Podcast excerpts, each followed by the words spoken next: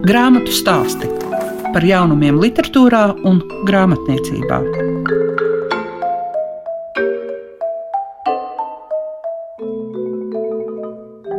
Kā ik nedēļu savu labdienu jums saka Liega Piešiņu un grāmatu stāstī. Un šodien raidījumā jūs uzzināsiet par Melānijas Laiblas un Lilijas Richteres grāmatu Atkritumi, kur galvenā varone ir līķu muša. Kā arī ļausim Zanē Nuts pastāstīt ne tikai par grāmatu mums vajadzētu šķirties, bet arī par tiem principiem, kā tapušas līdz šim viņas sešas grāmatas. Grāmatu stāsti programmā Klasika. Bet sāksim ar to, ka ir aprīļa sākums, un aprīļa sākumā parasti satiekas divi ar grāmatām saistīti konkursi. Viens jau ir noslēdzies, un laureāti ir zināmi. Tā ir zelta ābele, kad tiek precizētas skaistākās grāmatas, gan prozas, gan zinātniskās literatūras, nu visdažādākās. Un šajā konkursā tiek arī pasniegta mūža balva. Un ir patiesa prieks, ka šajā reizē to saņēmušas divas apgādu vadītājas. Zelta ābele tiek pasniegta 30. reizi, un šoreiz apgāda zinātnes vadītāja Ingrīda Segliņa un zvaigznes ABC vadītāja Vija Kilbloka bija saulītē patiešām tika no sirds sveiktas, jo viņas ir arī tās, kas 30 gadus ir sekojušas, lai Latvijā izdotās grāmatas kļūtu arvien skaistākas. Un šonadēļ savukārt tika izziņoti Latvijas Latvijas literatūras gada balvas nominanti. Nu, šoreiz tas jau ir īsais saraksts, jo jau otro gadu ir tradīcija, kā tiek pastāstīts par vairākām grāmatām, kuras aizvadītajā gadā iznākušas. Ir prieks, ka ir pievērsta uzmanība literatūra zinātnieku veikumam, un atsevišķi arī ir izdalīta viena šāda kategorija. Bet, ja runājam par mūža balvas ieguvēju, tad результат ir tiešām prieks, ka no ungāru valodas tulkojošā Elga Sakse saņems mūža balvu. Aprīļa beigās mēs uzzināsim, kuras tad ir tās veiksmīgākās grāmatas, kas saņems balvas Laligabā, un arī visu mēnesi grāmatu stāstos mēs vēstīsim par nominētajām grāmatām. Bet pieminot Elgas Sakses veikumu, Ungāri uzskata, ka Elga Sakse latviski ir iztulkojusi visus būtiskākos ungāru literatūras darbus. Bet mums ir svarīgi uzlikt arī šo akcentu uz latviskumu, uz to, ka viņa ir papildinājusi iespējas lasīt labā latviešu valodā to, kas ir tapis Ungārijā. Grāmatu stāsti tiem, kam grāmatu lasīšana ir vērtība. Atkritumi bieži vien ir mūsu dzīves problēma, it sevišķi tagad, kad mēs redzam, kas notiek Francijā, bet atkritumi grāmatā par tiem stāsta Melānijas Laiblas un Lilijas Richteres grāmata. Un tā ir iznākusi Jāņa Rozes apgādā, un Renāta Punka, kā apgāda vadītāja, tad arī tos atkritumus noraksturos. Nu jā, lieki pilnīgi pareizi atzīmē, ka atkritumi mums apkārt ir uh, visur, vienmēr. Un nevienmēr mēs pat apzināmies, ka īstenībā šo vārdu var pielāgot arī lietām, ko mēs parasti ikdienā tā nesaucam. Un man ir liels prieks, ka šī grāmata, kas ir arī saņēmusi Austrijā, tās mītnes zemē un dzimšanas vietā vairākas balvas par populāru zinātnisku grāmatu radīšanu bērniem, tādā zināmā mērā humoristiskā, bet arī ārkārtīgi izzinošā veidā stāsta gan par problēmām, gan par to, ko mēs īsti uzskatām par atkritumiem, arī ārkārtīgi interesantus dažādus vēsturiskus faktus. Nu, ne jau velti apakšvirsraksts vēsta viss par mēsliem, dražām, lūžņiem, izmešiem, atbirām un tam līdzīgi. Tā kā mēs varam arī bagātināt savu valodu, uzzināt dažādus, varbūt mazliet piemirstus apzīmējumus dažādām lietām, kas joprojām pastāv, bet no mūsu leksikas varbūt ir izbiruši laukā tieši tāpat kā kļuvuši par atkritumiem mūsu leksikā. Un man jāuzteic tiešām arī, ka no vācu valodas šo grāmatu ļoti atspērīgi un, un žirgti ir iztulkojis Ilmāra Zvirksts. Mūsu apgāda redaktore Inga Karlsberga arī ļoti rūpīgi sekojusi, lai viss tiešām šajā vācu teksta pārcelšanā uz latviešu valodu noritētu gludi un pareizi. Nekas nepazust. Nekas nepazust un nerastos atbiras. un, jā, un līdz ar to šī grāmata ir neprasta arī tādā ziņā, ka tā nav lapušu ciparu, toties ir tēma rādītājs. Un šajā tēma rādītājā vai jēdzienu skaidrotājā mums viss ir jāmeklē pēc tēmām, kas ir numurētas, nevis pēc lapusēm. Tāpēc satura rādītājā mums ir par nīstu un godātu atkritumu ir daudzveidīgi, satrūdēt un pārveidoties gudrā vielu aprite dabā, sagremot un pārstrādāt sīkas būtnes, milzu darbs un tā tālāk. Un līdz pat 21. nodaļai pārsteigt un uzlabot. Vai jūs gaidījāt kaut kādu šādu piedāvājumu grāmatā par atkritumiem? Bet autors ir pārliecināts, atkritumi rosina idejas. Nu, un, par autoriem īsi raksturojot, tad var teikt, ka Melānija Laible ir diplomēta tulkotāja un komunikācija pētniece. Viņa ir dzimusi Līncā, Austrijā, un šobrīd dzīvo Vīnervaldē, turpat mežiņā pie Vīnes un darbojas literatūrā un žurnālistikā. Un, savukārt Lilija Richtere ir arī dzimusi Vīnē un studējusi ilustrāciju mākslu ne tikai savā dzimtenē, bet arī Barcelonā, kur mēs kā kā zinām, arī iznāk ļoti daudz skaistu bērnu grāmatu. Nu, lūk, un ir vēl viena cita būtne, tāda radība, kas visā grāmatā darbojas un parādās gandrīz katrā lapusē, lai izzinātu visu, kas notiek. Un tā ir kalifora, ko sauc par kaliju. Viņa ir dzimusi Melānijas un Līlijas atkritumiem nodarbinātajās galvās. Tā ir līķmuša, un viņa ir īsta lieta pretēji atkritumu jautājumos. Tāpēc visu, ko viņa šīs grāmatas lapusēs saka, ir jāņem par pilnu. Līķa muša pa pilnu. Labi, ņemsim vērā. Bet tad eh, vai līķa muša var arī kaut ko pastāstīt par dusošo pērlīti?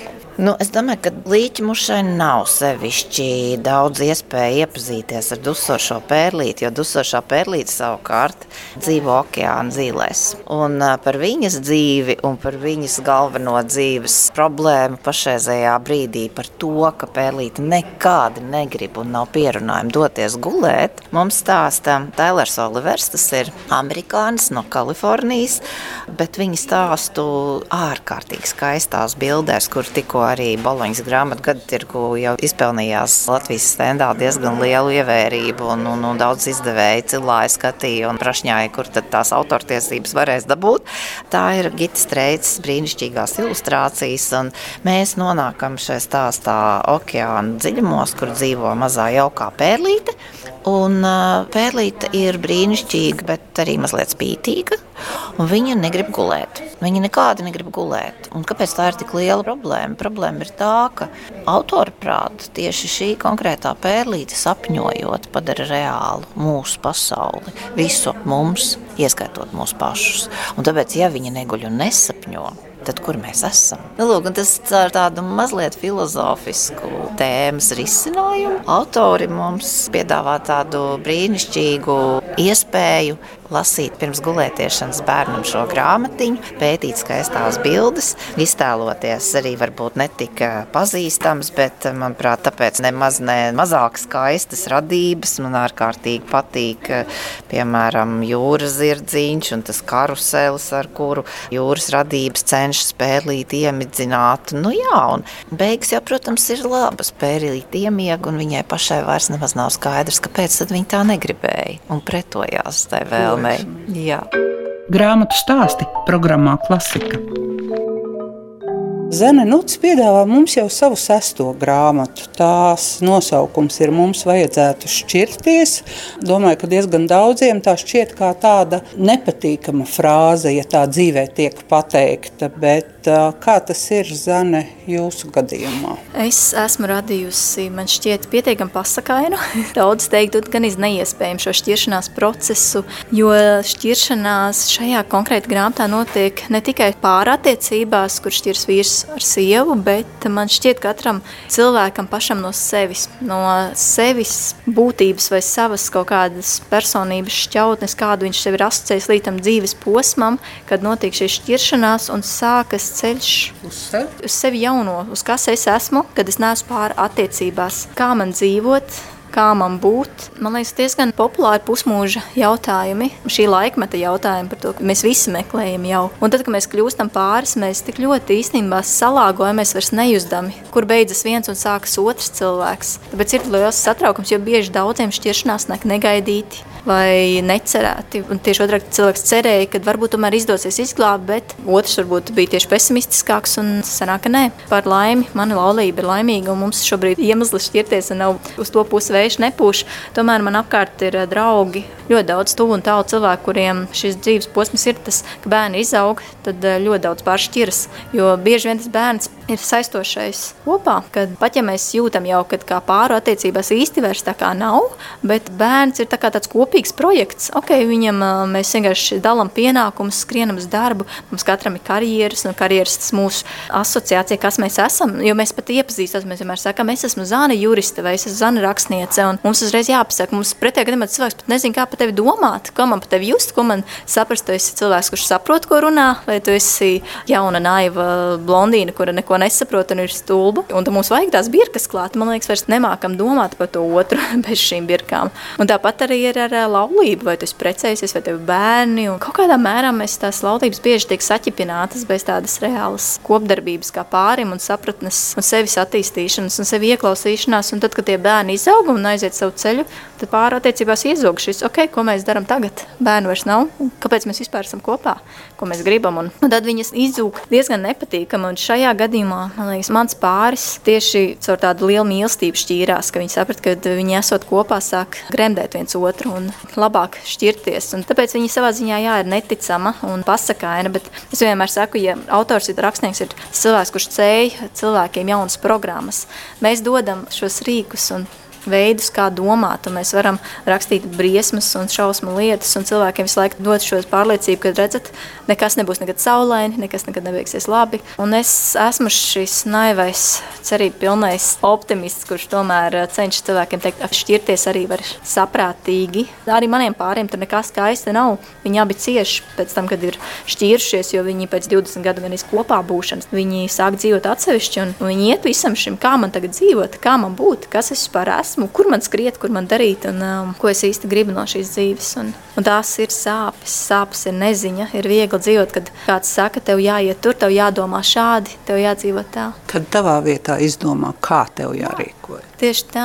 Savā ziņā, man liekas, es neesmu dzīvojis padomu laikos. Es piedzimu gadā, kad padomu laiks sāka brukt, 89. gadā esmu dzimis. Un līdz ar to es nezinu, kā ir tajā laikā dzīvot, bet uh, nu, mana pārliecība, manas vismaz tas, ko es zinu pārstāstiem, ir, ka šis bija laiks, kur tev ļoti skaidri kāds mēģināja iestāstīt, kā tev ir jādomā. Un tad bija daži drosminieki, kuri uzdrošinājās vai tomēr saglabāt šo sevi pārliecību, ka es pats zinu, kā domāt. Un tas nav vienkārši, bet bija daudz. Viena no manām vecām mamām bija tāda, kurai ļoti patika padomu laiku, un viņa vienmēr teica, ka viss tur bija skaisti un saulaini, un viss bija superīgi. Un patiesībā, kad tāds skatos, viņa arī bija šis cilvēks, kuram patika, kāds cits saka viņa vietā, kā tev ir jādomā, kā tev jādzīvo. Bet tagad mēs esam šajā mūsdienu laikmetā, kad klausies, kur tu gribi, kur tu skaties, un tev konkrētības nav absolūti nekādas. Es vienu joku nesen dzirdēju, tie, kas varbūt ir dzirdējuši, kad Amerikā šobrīd NLO esot parādījušies, un valdība tagad saka, jā, tie tiešām bija NLO, un konspirācija teorija piektai saka, nē, nav. Mēs smējamies, ka nonāca līdz tādam laikam, kad konspirācija teorētiķi valdībai saka, tie nebija cipulnētieši. Līdz absurdumam, kam te lai tic, tas varbūt tāds joks, bet par sevi personīgi vai par savām lietām mums ir sarežģīti būt. Un tad vismaz pārotiecībās liekas, nu, ja mēs esam apružājušies, mums vismaz kaut kāds vienots kodols, un šis kodols saplīst, un mēs atkal esam vieni, un mēs atkal domājam, kā dzīvot, kā būt. Man liekas, ka jātīsta tāds vārds kā vide, jo jūs esat cilvēks, kas arī sabiedrībā izsakās par vidas jautājumiem, un arī tā vide, kura ir starp cilvēkiem, ka tas arī būtiski. Noteikti. Un, kā, kā jau saka, ka visādi kvantu fizikas piekristēji un viss saka, mūsu domas materializējas, un mēs radām šo realitāti un tam līdzīgi nu, visas šīs teorijas ir. Un iespējams, tāpēc arī šīs klimata pārmaiņas, vidas visas aktualitātes ir tik mežonīgi aktualizējušās, ka visi jau patiesībā, ko tas viss saka, ir esat vērīgi pret savu vidi, kops savu apkārtni, rūpējies par um, sevi, un arī psiholoģijā ir tā, ka, lai es sakārtot, nu, kaut vai izkļūtu no trauksmes, visvieglāk to ir izdarīt aiziet uz dārzu un, piemēram, paravējot dārzu. Un tas ir fenomenāli, cik mēs īstenībā esam vienoti ar dabu un, uh, un savu vidi pat tādā ļoti praktiskā, pragmatiskā lietā. Vienkārši aizēj paravēt dārzu un tev nomierinās nervu sistēma. Ja, un, un tas ir arī par tādu sacīviskām lietām, kā tu kopi savu apkārtni ap sevi, kā tu kopi savas attiecības, iekšē kā tu pats kopi savu galvu, savas emocijas, kāds otrs kopj to. Jo veselāk esat mēs paši. Mēs jau ir ļoti daudz strādājam paši ar sevi un sarunājamies pat par sarunām. mēs visu laiku runājam, dalamies un, un tas nav vienkārši līdz tam bija jāizaug. Ir ļoti grūti pateikt lietas, ir ļoti grūti pateikt savas sajūtas, savas sāpes. Kā piemērs, man šodien man atbrauc draudzene no ciemos no Norvēģijas, viņa ļoti tuvu, viena no tuvākajiem cilvēkiem, un viņi atbrauc ciemos uz Latviju, un visi grib viņu satikt. Bet es tik ļoti gaidīju viņu, viņa kā brauc pie manis, bet tagad viņai tik raksta telefons. Man ir dzimst tāds bērnības aizvainojums, es jūtos dusmīgi. Un viņa saka, es gribētu arī vēl satikties to un tajā brīdī. Tu nejūti, ka viss cepās iekšā, ka tu to līdz prāks. Un, un tā draudzene saka, nu mēs tikko esam visu dienu kopā pavadījuši. Kas ir patiesībā, kas ir tas? Un tas izklausās tik bērnišķīgi, un tāpēc to ir vēl grūtāk pateikt. Un es saku, man liekas, ka tu man nemīli pietiekami, lai izvēlētos palikt ar mani kopā. Un tajā brīdī, pirms sāk raudāt, mēs izrādāmies, un mūsu tik forši, jo beigās saproti, ka es taču zinu, ka viņa mani mīl.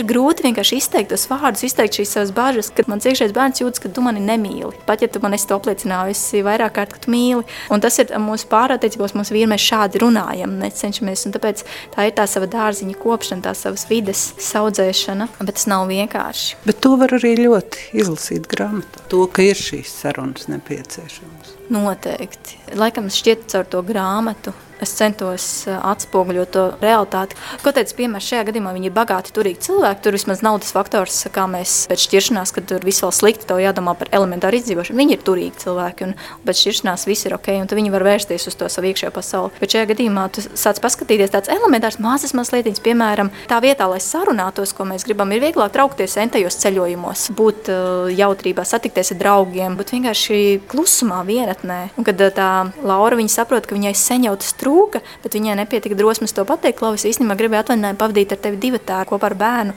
kaut vai neko nedarot. Un viss tādi mazi sacīs, ka piemērs ir tik klasiski tajā visā, un kur iztrūks vienkārši sarunas daļa. Un kad nav neviens vainīgs, jo šajā grāmatā nebija neviena puse vainīga, tur nebija kāds ļaundars. Pilnīgi ne, viņi abi divi nesarunājās, un abi divi nebija vērsuši skatienu uz sevi.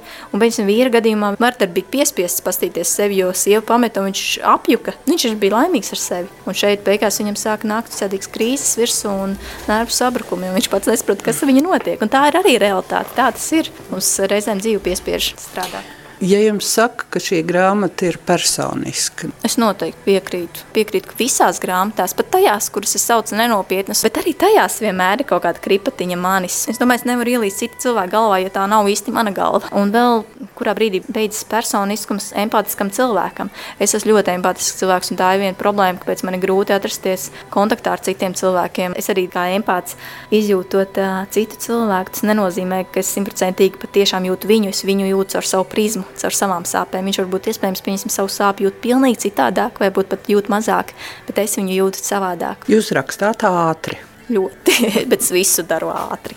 Un, e, ja tagad uzreiz pajautātu pārējiem cilvēkiem, mans iepriekšējais priekšnieks, kur esmu strādājis, un, lūgtu viņus noraksturot man pāris vārdiem, es domāju, ātrums būtu starp top 3. Vienmēr, es vienmēr man ir raksturojis ātrums. Savukārt man klibo kvalitāte. Es pēc brīnos, kā redaktori paciešu manas mežonīgi daudzās drukas kļūdas un pārrakstīšanās. Nu, tur vispirms nāks tādu ļoti rūpīgu, smagu artilēriju. Vispirms vienkārši, lai tas teksts būtu saskatāms, jo es ļoti ātri, tiešām ātri, ātri visu daru. Es neļauju sev arī pārāk iegrimt tādā perfekcionismā.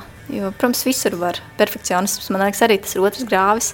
Viens grāvis ir, es varbūt šūpojos šis laik par tādu ātrumu grāvi, bet pagaidām tiek ar to galā.